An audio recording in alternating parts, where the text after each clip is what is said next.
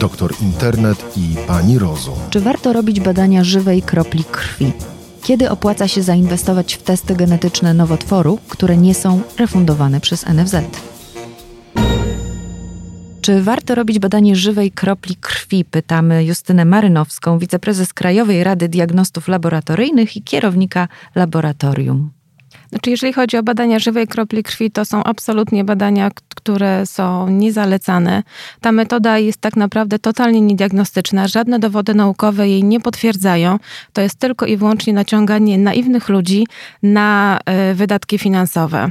Duże wydatki? Znaczy, z tego, co zdążyłam się zorientować, przeglądając różne strony internetowe, to te badania kosztują kilkaset złotych, natomiast nie mają one żadnego potwierdzenia ani w metodach analitycznych, ani w metodach badawczych, ani osoby, które te badania wykonują, są nieuprawnione według obowiązujących ustaw i regulacji prawnych do wykonywania badań czynności diagnostyki laboratoryjnej. Nie są również upoważnione do pobierania krwi E, do nakłuwania, Nawet do przerywania. Do nakłuwania. Tak, do przerywania ciągłości e, tkanki e, generalnie, więc absolutnie jest to nielegalne, zabronione. Natomiast ponieważ nie mamy nadzoru e, publicznego nad wykonywaniem e, jakichkolwiek czynności diagnostycznych, tym bardziej diagnostyki laboratoryjnej, takie praktyki istnieją, ponieważ nie ma, na, nie ma oficjalnie organu, który mógłby tego typu interwencje podjąć, aby one nie miały miejsca e, w państwie prawa. Proszę powiedzieć, na czym polega takie badanie? Rozumiem, że to trochę przypomina badanie krwi na e, poziom cukru, na poziom... Znaczy, z tego to nie byłam na takim badaniu, natomiast z tego, co do, doczytałam, wygląda to w ten sposób. Już pacjentowi pobierana jest e, kropla krwi z opuszki palca e, po odpowiedniej, mam nadzieję, dezynfekcji i następnie kropla krwi badana jest pod mikroskopem w przeciągu bodajże 20-40 minut, co przeczy jakimkolwiek prawom natury, dlatego, że u normalnego, zdrowego człowieka czas skrzepnięcia kropli krwi prawidłowy e, i wach, waha się pomiędzy 6 a 12 minut, więc tak naprawdę pozostawianie materiału do 40 to naprawdę świadczyłoby, jeżeli taka krew naprawdę nie krzepnie, że mamy do czynienia z ogromną skazą krwotoczną zagrażającą bezpośrednio życiu, która powinna natychmiast być poddana interwencji hospitalizacyjnej. A mimo to y, z, tej, z tego badania odczytują ci pseudospecjaliści tak. obecność oszuści, oszuści, oszuści o, obecność w organizmie jaj pasożytów, toksyn, bakterii. Mówią, że to właśnie jest przyczyną zaburzeń snu e, czy wypadania włosów. Znaczy jest to totalną bójdą, dlatego że wszelakie morfotyczne składniki krwi, widzimy je dopiero oprócz krwinek, tak naprawdę pod mikroskopem, e, pod odpowiednim zabarwieniu, po odpowiedniej preparatyce. Natomiast jeżeli chodzi o pasożyty, pasożyty głównie oczywiście oprócz malarii, która przebywa oczywiście w krwinkach czerwonych, to wszystkie inne pasożyty, z którymi, które są mm, jakby sugerowane przez tych szarlatanów, tak naprawdę to są pasożyty układu pokarmowego. Pasożyty układu pokarmowego swój cykl rozwojowy mają w układzie pokarmowym, więc tak naprawdę pełna diagnostyka tych pasożytów odbywa się za pomocą próbki kału. I dopiero w próbce kału możemy obserwować poszczególne e, fazy rozwojowe pasożyta lub jego postać dorosłą. E, są również oczywiście pasożyty, które żyją w wątrobie czy w jelitach, natomiast to są zupełnie inne objawy kliniczne. Poza tym nie są to pasożyty, które występują na terenie Polski, więc jeżeli rzeczywiście ktoś bardzo dużo podróżuje i miałby totalny niefart, to naprawdę objawy kliniczne z powodu ogromnej gorączki, prawie że e, grożącej utratą przytomności i przeróżnymi innymi dolegliwościami bólowymi, taka osoba nie byłaby w stanie nawet pójść na to badanie fizycznie. A propos kału, e, rodzice dzieci autystycznych, pewnie nie tylko dzieci z autyzmem, mhm. ale z różnymi innymi chorobami, często słyszą, że powinni zrobić dziecku badanie kału na obecność grzybów candida lub clostridium, jeśli dobrze to mhm. wymawiam. Czy to ma rzeczywiście uzasadnienie? To znaczy tak, jeżeli chodzi o e, badanie w kierunku kandydozy, to proszę pamiętać, że grzyby w organizmie człowieka, candida albicans, są normalnie. My jesteśmy nosicielami, one występują i w jamie ustnej, i występują w odbycie, występują w drogach rodnych, występują w jelitach. To są normalne miejsca, gdzie takie grzyby występują. Zresztą one są na i pożywieniu, i na dłoniach. Praktycznie wszędzie nas otaczają. Mm, I normalnie stanowią również florę fizjologiczną każdego człowieka. W momencie, kiedy mamy spadek, spadek odporności u takich pacjentów na przykład, którzy są, poddani chorobie, leczeniu po chorobie nowotworowej, tak? czy na przykład mają zespół um, związane z obniżeniem odporności w wyniku y, choroby, choroby AIDS, y, no to wtedy rzeczywiście w momencie, kiedy bardzo mocno spada odporność, te grzyby się namnażają i stanowią pewnego rodzaju dolegliwości. Natomiast są bardzo proste badania, jak chociażby przegląd jamy ustnej z wymazem, czy posiew kału w laboratorium mikrobiologicznym, które jest zarejestrowane w ewidencji Krajowej Izby Diagnostów Laboratoryjnych oraz chociażby kolonoskopia, po której widzimy, czy wtedy w jelicie są grzybnie e, świadczące o infekcji, to są jedyne metody według dowodów naukowych, według evidence-based medicine, które potwierdzają tak tylko i wyłącznie występowanie tych grzybów jakby ponad normę w naszym organizmie spowodowaną spadkiem odporności. U zdrowego człowieka coś takiego absolutnie nie występuje.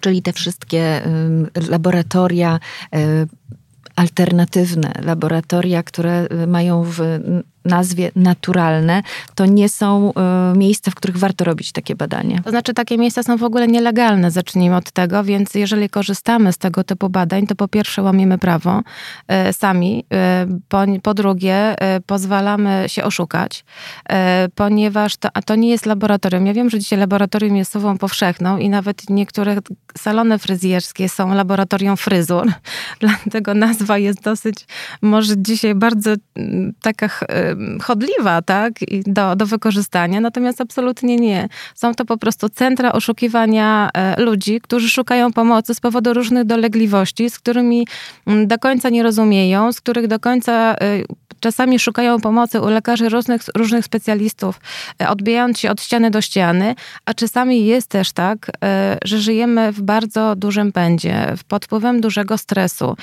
jest ogromna ilość chorób, które są indukowane psychosomatycznie, więc nie mamy wyników, objawów sensu stricte klinicznych, natomiast które potwierdzone by były badaniami czy obrazowymi, czy laboratoryjnymi, natomiast posiadamy objawy.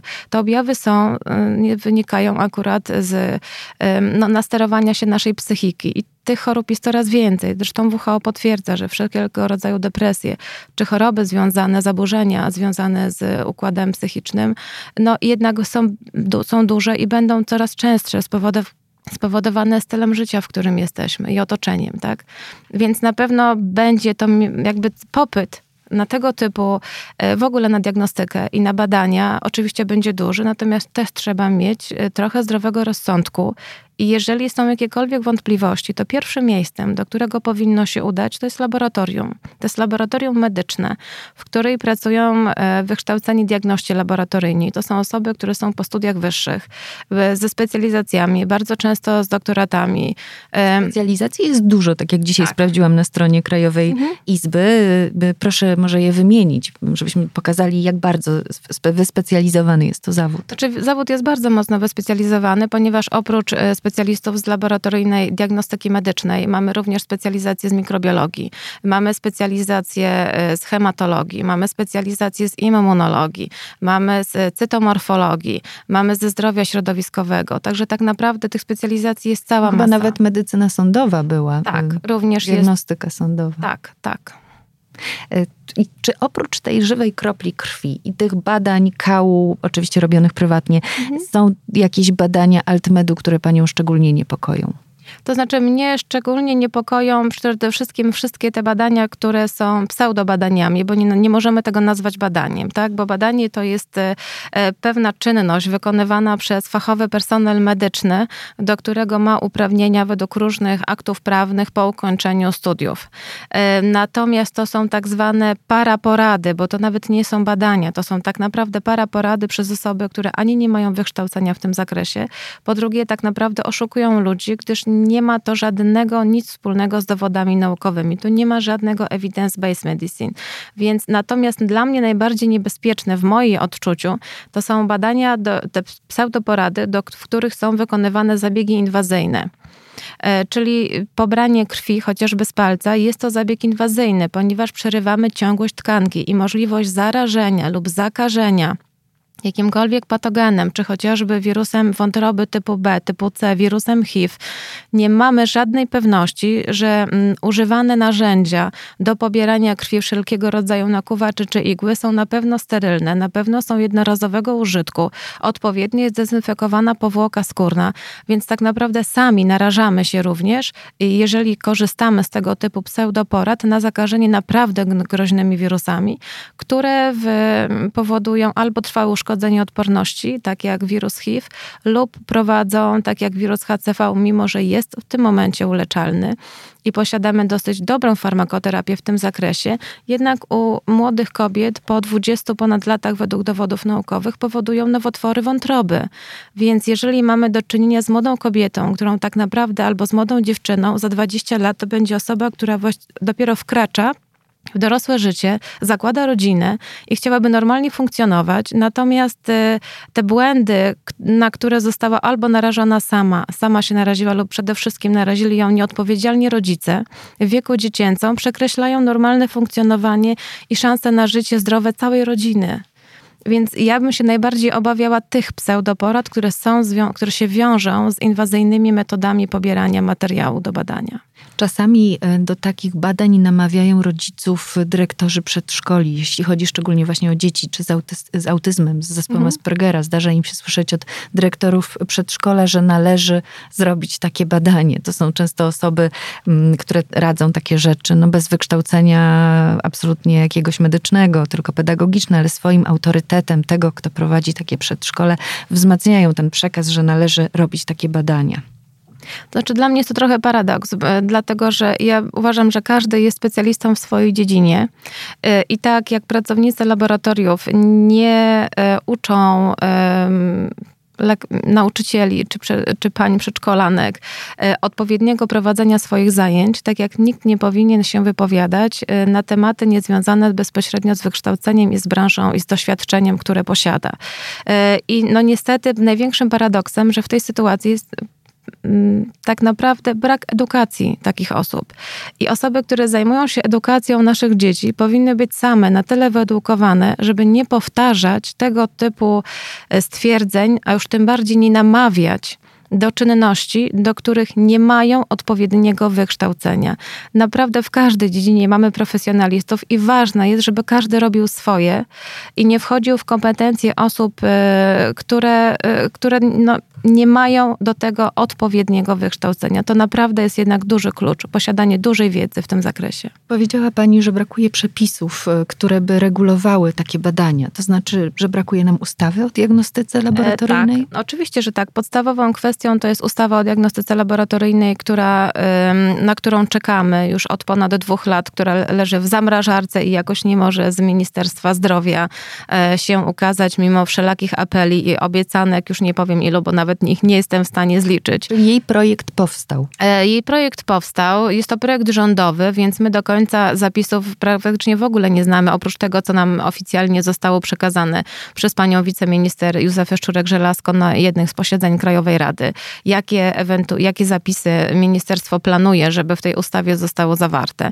Natomiast takiej informacji na dzień dzisiejszy nie mamy. Ustawa jest absolutnie konieczna i absolutnie konieczne jest to, e, aby był odpowiedni nadzór nad wykonywaniem jakby czynności diagnostyki laboratoryjnej już jest, ponieważ ustawowo ma taką e, promesę samorząd zawodowy. Natomiast nie mamy regulatora, który oprócz konsultantów wojewódzkich, e, e, którzy mieliby uprawnienia do kontrolowania laboratoriów. No jeżeli mamy jednego konsultanta na ogromne chociażby województwo mazowieckie, śląskie, małopolskie, a podmiotów zarejestrowanych jest ponad 1500 w całym kraju, to jest niemożliwością fizyczną, żeby jedna osoba mogła nadzorem objąć całe województwo, tym bardziej, że pracuje również zawodowo. Ci ludzie pracują czynni zawodowo, muszą być, żeby też wiedzieć, e, co mają kontrolować i w jakim zakresie.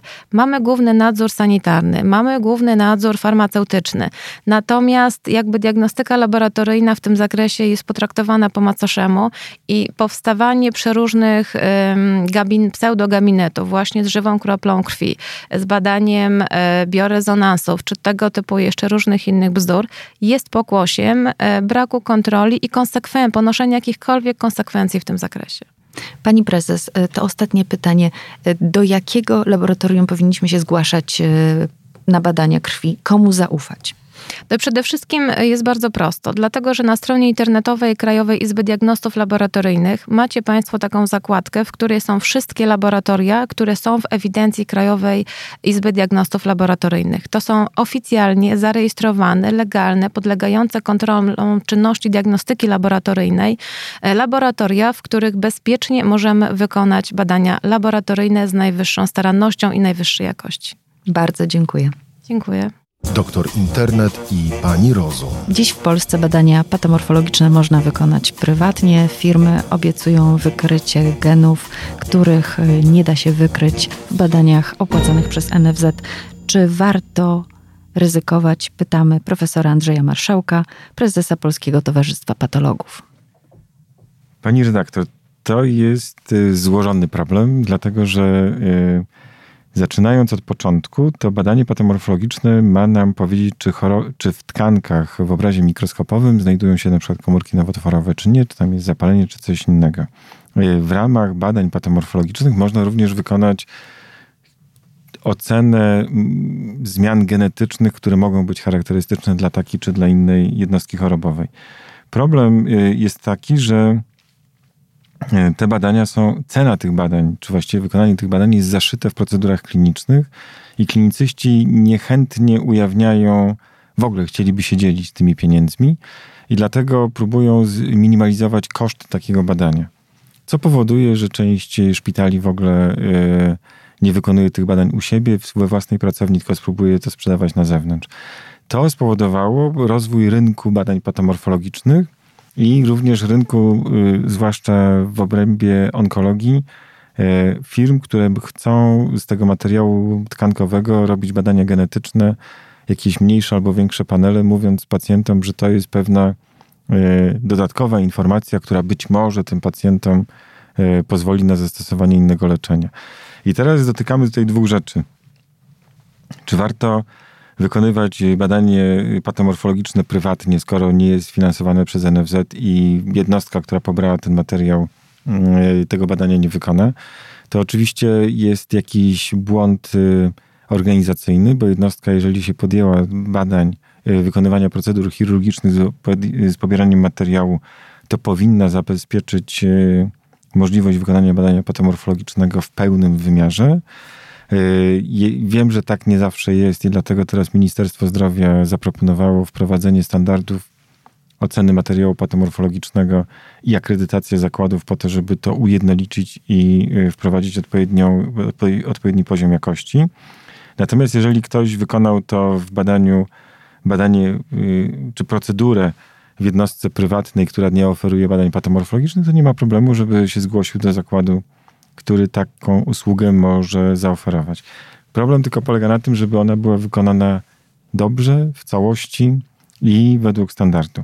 To dotyczy badania patomorfologicznego. A teraz, jeżeli mówimy o badaniach genetycznych prywatnie, to pierwsze pytanie jest, y, czy to ma mieć charakter poznawczy, czy ma mieć to charakter użyteczny? Bardziej, panie profesorze, słyszymy o mm, pacjentach, którzy dowiedzieli się zazwyczaj jednak skąd inąd niż od lekarza, że istnieje szansa na bardzo nowoczesne leczenie, ale najpierw trzeba zbadać, czy mm, ich nowotwór y, jest, ma, ma, określony gen i czy oni się do tego leczenia kwalifikują, ale niestety takie badanie nie jest refundowane i teraz to do Was należy wybór, czy chcecie poddać się temu leczeniu, dostać szansę na to leczenie i dalej żyć, czy nie. Ale zapłacicie. No, y, powiem tak, to to jest y, oczywiście rynek y, funkcjonuje wtedy, kiedy jest y, popyt i podaż, y, natomiast to jest w takim mm, trochę śliskie etycznie, dlatego że wykonanie jakiegoś badania, bo być może coś się tam pojawi, jest trochę wątpliwe, dlatego że mm, wiadomo, że leczenie nawet najbardziej wysublimowane w programach lekowych czy w badaniach klinicznych, jest obwarowane pewnymi wymogami. I wiadomo, że w danej jednostce chorobowej, przy takim rozpoznaniu, przy danym zaawansowaniu choroby nowotworowej, możliwość y, leczenia jest y, w jakiś sposób zdefiniowana, że to nie jest poszukiwanie pozastandardowych rozwiązań, tylko skutki pozytywne są wtedy, kiedy się stosuje leczenie zgodnie z wytycznymi, ze standardami czy z odpowiednimi procedurami kwalifikacyjnymi. I, I teraz, każdy szpital, przepraszam, tak leczy. Tak. I teraz, jeżeli ktoś poszukuje nadziei i może kupić nadzieję za duże czasami pieniądze, to oczywiście są też osoby, które tę nadzieję chętnie y, udostępnią za odpowiednią y, opłatę. Tylko wtedy się robi taki mały dosyć problem, y, czy u danego pacjenta w takim zaawansowaniu choroby można zastosować lek, o którym on usłyszał w telewizorze, w radiu, czy przeczytał w gazecie, czy może w internecie, który chyba w tej chwili jest główną kopalnią różnej wiedzy.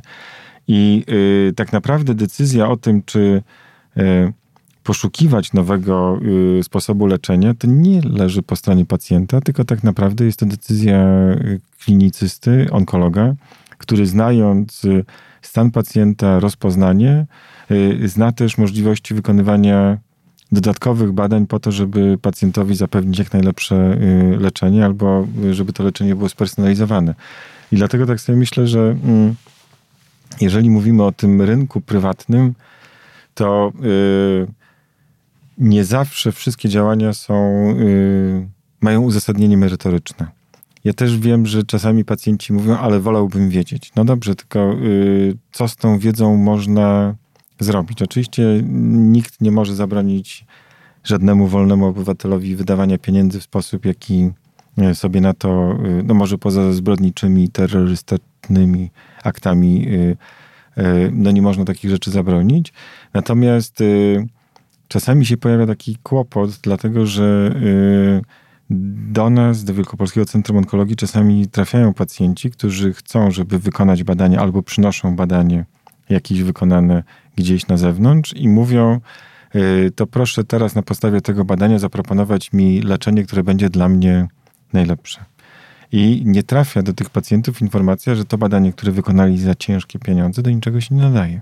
Jak duże są to pieniądze i dlaczego takie badanie się nie nadaje? Czy również dlatego, że jest źle wykonane? Nie, niekoniecznie. Dlatego, że to yy, są firmy, które oferują takie badania w onkologii od kilku tysięcy. Są i też takie, które za kilkaset złotych coś zrobią, ale yy, górna granica jest na poziomie 24 chyba tysięcy za badanie.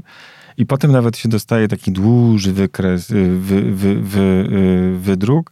I w tym wydruku jest na przykład napisane, że te komórki według tego układu e, mutacji genetycznych i na podstawie przeszukiwania internetu ten lek nie zadziała, a tamten może zadziała, albo że powinno się zadziałać jakoś inaczej. Tyle, że jak się szczegółowo wejdzie w te opisy, to się okazuje, że część tych informacji jest z hodowli komórkowych albo z doświadczeń nie na ludziach, tylko na zwierzętach, albo że to są jakieś tam doniesienia dotyczące zupełnie innej choroby. I dlatego y, taki wynik nie zawsze się daje, y, nie daje y, zastosować, dlatego że on jest po prostu tylko opisaniem zaburzeń genetycznych stwierdzonych, ale nie ma to często przełożenia na zmianę terapii. Oczywiście, jeżeli mówimy o raku piersi, to są testy genetyczne dedykowane rakowi piersi. Są firmy, Y, zwalidowane, które, y, w których te badania się wykonuje w Polsce jest dostępne, one są częściowo dostępne, ale w większości są wykonywane w Stanach Zjednoczonych, ale na podstawie takiego wyniku dedykowanego rakowi piersi można zdecydować, czy na przykład u danej pacjentki młodej, która była w ciąży w trakcie rozpoznania choroby nowotworowej, czy warto u niej podjąć chemioterapię, albo czy warto zmienić tę chemioterapię. I zdarzają się takie przypadki, gdzie po wykonaniu e, tego testu molekularnego dodatkowego można u pacjentki zrezygnować z chemioterapii, dlatego że zabieg chirurgiczny i zastosowane leczenie daje podstawy sądzić, że pacjentka została wyleczona, a podanie jej dodatkowo chemioterapii nie zwiększa w żaden sposób pozytywnego efektu yy, zastosowanej terapii, więc wtedy oczywiście nie ma sensu podawać trującego, znaczy inaczej, leczenia, które nie jest obojętne dla, także dla zdrowych komórek. Panie profesorze, a co z firmami, które obiecują przewidzieć czy nasze, nasze szanse, nasze ryzyko e, zachorowania na raka. E, mamy takie firmy, które mówią: zbadaj swój kod genetyczny, powiemy ci, do jakiego rodzaju e, nowotworów masz predyspozycję. A czy pani redaktor czasami ogląda prognozę pogody? Ogląda albo słucha, albo czyta, to w jakim odsetku ona się zda, znaczy w jakim odsetku się sprawdza i czy sprawdzają się prognozy dłuższe niż trzy dni? Ostatnio bardzo często mój telefon, który ma znany program pogodowy, mówi, że jest na przykład tornado w Warszawie. Jeszcze nigdy nie widziałam tego tornada, ale komórka mówi, że jest. To mniej więcej jesteśmy na tym samym poziomie jakby ufności takim yy, badaniom, bo teraz yy, oczywiście są jednostki chorobowe genetycznie uwarunkowane, które doprowadzają do powstania nowotworu u 100% pacjentów. Tak, na przykład polipowatość rodzinna, gen polipowatości rodzinnej. Jeżeli pacjent y, ma y, taką mutację, to wiadomo, że najpóźniej w 50 roku życia będzie miał nowotwór jelita grubego. Ale rozumiem, że wie o tym, bo jego mama, tata tak, albo że miał objawy, y, gdzie stwierdzono, że ma mm, polipowatość w jelicie grubym, pobrano materiał i stwierdzono, że tak jest. Natomiast y, y, mówienie pacjentowi, że na podstawie zbadania y, genów w danym momencie będziemy mogli wyrokować, czy on w ogóle zachoruje, czy nie zachoruje na nowotwór, jest wróżeniem z fusów. To jest jeden element. Nowotwory nie są wyłącznie zjawiskiem genetycznym, są również zjawiskiem środowiskowym, bo wiadomo, że życie w takim lub innym środowisku zwiększa lub zmniejsza szanse rozwoju nowotworu. Poza tym y, panel genów, który jest badany, mówi tylko o wybranych y, mutacjach i o wybranych genach, a nie mówi o całym szeregu innych zjawisk, które mogą mieć wpływ na rozwój choroby nowotworowej. Stąd też to jest y, znowu pewna forma sprzedaży nadziei czy kupowania, nie wiem, tabletek na żal albo tabletek na dobre samopoczucie jest tak naprawdę działaniem takim bardziej psychologicznym niż e, rzeczywistym, medyczny, medycznie uwarunkowanym e, zjawiskiem. Oczywiście w tej chwili czasami przy chorobach nowotworowych się mówi, że powinno się zrobić sekwencjonowanie całogenomowe i są firmy, które to promują. Na moje pytanie, po co? Mówią, bo warto wiedzieć, co ten pacjent ma, ale czy mają Państwo do tego jakieś leczenie? Nie, ale może kiedyś się pojawi. Tylko, że jeżeli y, zrobimy badania genetyczne nowotworu na danym etapie rozwoju i się pojawi u niego, u pacjenta progresja nowotworowa, nowy nowotwór, przerzuty nowotworowe y, czy ognisko wznowy, to y, ten nowy nowotwór może być już trochę inny od tego pierwotnego i wtedy trzeba było całe badanie ponownie powtórzyć po to, żeby mieć świadomość, że te geny będą może wyglądały trochę inaczej, ale dopóki nie ma leczenia bezpośredniego albo nie ma możliwości wykorzystania tych danych do dalszego leczenia, to y, myślę, że to jest nadmierne e, stosowanie informacji, która y, jest częściowo nieprzydatna. To jest trochę tak, jakby y, można było przejechać z punktu A do punktu B na rowerze i nie zajmie to dużo czasu, albo wykorzystać do tego cztery przesiadki samolotem i y, też się przedostać, ale y, jakby nakłady finansowe są kompletnie absurdalne. Rozumiem, że w takim razie odradza pan kupowanie nadziei, szczególnie jeśli nie mamy za dużo pieniędzy. To znaczy, nadzieję każdy może na różne sposoby posiadać, natomiast yy, myślę, że do pewnych rzeczy trzeba podchodzić racjonalnie. rozumiem, że w obliczu choroby nowotworowej czy trudnej może być to szokiem i człowiek się próbuje w tym znaleźć świecie mm, jakoś na nowo, ale y, rozsądny lekarz, onkolog, klinicysta pracujący w dużym ośrodku najczęściej do wszystkiego podchodzi racjonalnie. To znaczy, będzie pacjentowi proponował, nawet jeżeli powie, że coś jest niedostępne w Polsce albo gdzie indziej jest dostępne, to będzie raczej się kierował dobrem pacjenta, a nie informacją, znaczy y, w ten sposób dobrem pacjenta, że będzie chciał pozyskać informacje po to, żeby zastosować y, być może modyfikację leczenia. Jeżeli pacjent zostanie włączony do programu klinicznego, y, badań klinicznych, to ten element poszukiwania markerów, czy pacjent się nadaje, czy nie, to już jest po, po stronie sponsora danego badania, więc nie obciąża w żaden sposób pacjenta. Natomiast czasami warto wydać pieniądze na badania, tak jak w raku piersi, y, to się zdarza, na test zwalidowany pod warunkiem, że lekarz prowadzący wie, że ten test może mieć wpływ na dalsze losy pacjenta i zmianę ewentualnie terapii. Dziękuję panie profesorze. Dziękuję pani redaktor. To była audycja Rzeczpospolitej, doktor Internet i pani Rozum.